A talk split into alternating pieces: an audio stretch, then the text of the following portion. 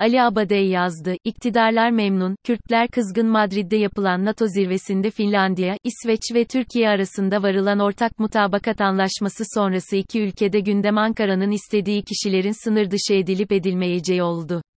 Her ne kadar siyasiler bu gelişme ile kendilerine üyelik sürecinin hızlıca tamamlanacağı sözünün verildiğini, bunun hem Avrupa'nın kuzeyi hem de Baltık bölgesinin korunması açısından önemli bir gelişme olduğunu söylese de gündem iadesi istenen kişiler ve Kürtler.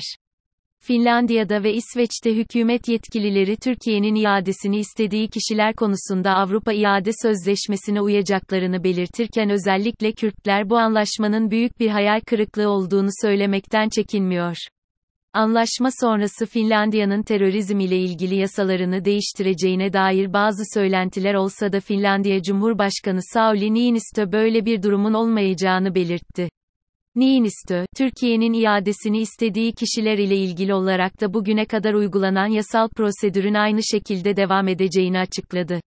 Yapılan anlaşma ile İsveç ve Finlandiya'ya yönelik Türkiye vetosu kalkmış görünse de bu mutabakatın kimi koşullarının Türkiye tarafından zorlanacağı ve sınırlarının test edileceğini söyleyenler var. Akademisyenler ve uzmanlar imzalanan metnin hiçbir hukuki zorlayıcılığı olmayacağını üstüne basa basa haber kanallarına açıkladı.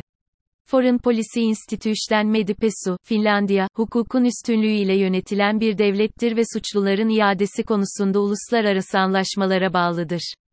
Bu konuda esnek olmak pek mümkün değildir, derken, Helsinki Üniversitesi Uluslararası Hukuk Bölümünden Martti Koskenimi de iki ülkenin Türkiye'nin istediği 33 kişiyi iade etmeyeceğini belirtti. İsveç'in Kürt kökenli milletvekili Amine Kakaba ve anlaşmaya en fazla ses çıkaran kişilerden biri oldu.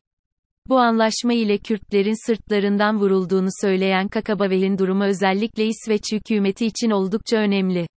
Kendisi son dönemde hükümetin kimi konularda güven oyu alması için kritik oyu kullanan kişi. Hükümet ile yaptığı anlaşma uyarınca kendisinin güven oyuna karşılık İsveç hükümetinin YPG ve PYD'ye destek sözünü verdiğini belirten Kakabave, Dışişleri Bakanı En Linde'nin güvensizlik oyu alması gerektiğini belirtti. Linden ise yapılan anlaşmayı savunarak İsveç'in teröristler için bir cennet olamayacağını ve Türkiye'nin hassasiyetlerini anlayış göstermeleri gerektiğini söyledi. İsveç Başbakanı Magdalena Andersson kimi tartışmaları dindirmek adına terör ile ilişkisi olmamış kişilerin korkmasına neden olmadığını ve hiçbir İsveç vatandaşını sınır dışı etmeyeceklerini aktardı. İsveç, Finlandiya'ya göre özellikle Kürtler konusunda daha fazla sesin çıktığı ülke oldu. Finlandiya'da ise görece daha az yankı var, bunda Niinistö'nün mevcut yasalarda bir değişim olmayacağını ilk etapta söylemesinin etkisi mevcut. Tabii ki Rusya'nın esas tehdit olduğu ve tehdit oluşturur biçimde hareket ettiğinin de Finlandiya'daki duruma etkisi var. Olası bir Rusya müdahalesinden çok uzun zamandır korkan Finlandiya kendisini daha güvenli bir noktada görüyor. Finnish Kurdish Association Başkanı Velat Nehri, devlet televizyonu ile ye verdiği mülakatta Türkiye'de terörle ilgili yasaların oldukça muğlak olduğunu ve Erdoğan'ın istediği kişiyi terörist ilan edebildiğini ifade edip, bu durumdan en fazla zarar gören Kürtler oldu, dedi. Finnish Kurdish Association Başkanı Velat Nehri, ile ye telefon ile verdiği mülakatta bu noktadan sonra esas yapılması gerekenin Avrupa ülkelerinin IŞİD ile savaşan Kürtlere ne kadar yardım edeceğine bakmak olduğunu aktardı. Nehri Türkiye'de terör ile ilgili yasaların oldukça muğlak olduğunu ve Erdoğan'ın istediği kişiyi terörist ilan edebildiğini ifade edip, bu durumdan en fazla zarar gören Kürtler oldu, dedi.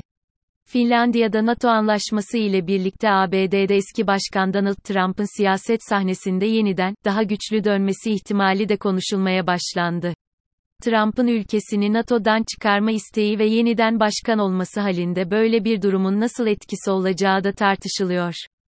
Şu an iki ülkenin NATO üyeliği için önlerindeki en büyük engelin kalkmış görünmesi iktidarlar tarafından başarı olarak görülüyor. Mutabakat anlaşmasının mevcut politikalara ve yasalara ne kadar etkisi olacağını ise beklemek gerekiyor. Ancak özellikle vurgulanan Türkiye'nin Avrupa İade Sözleşmesi'ne uygun bir şekilde istemediğinde kimsenin sınır dışı edilemeyeceği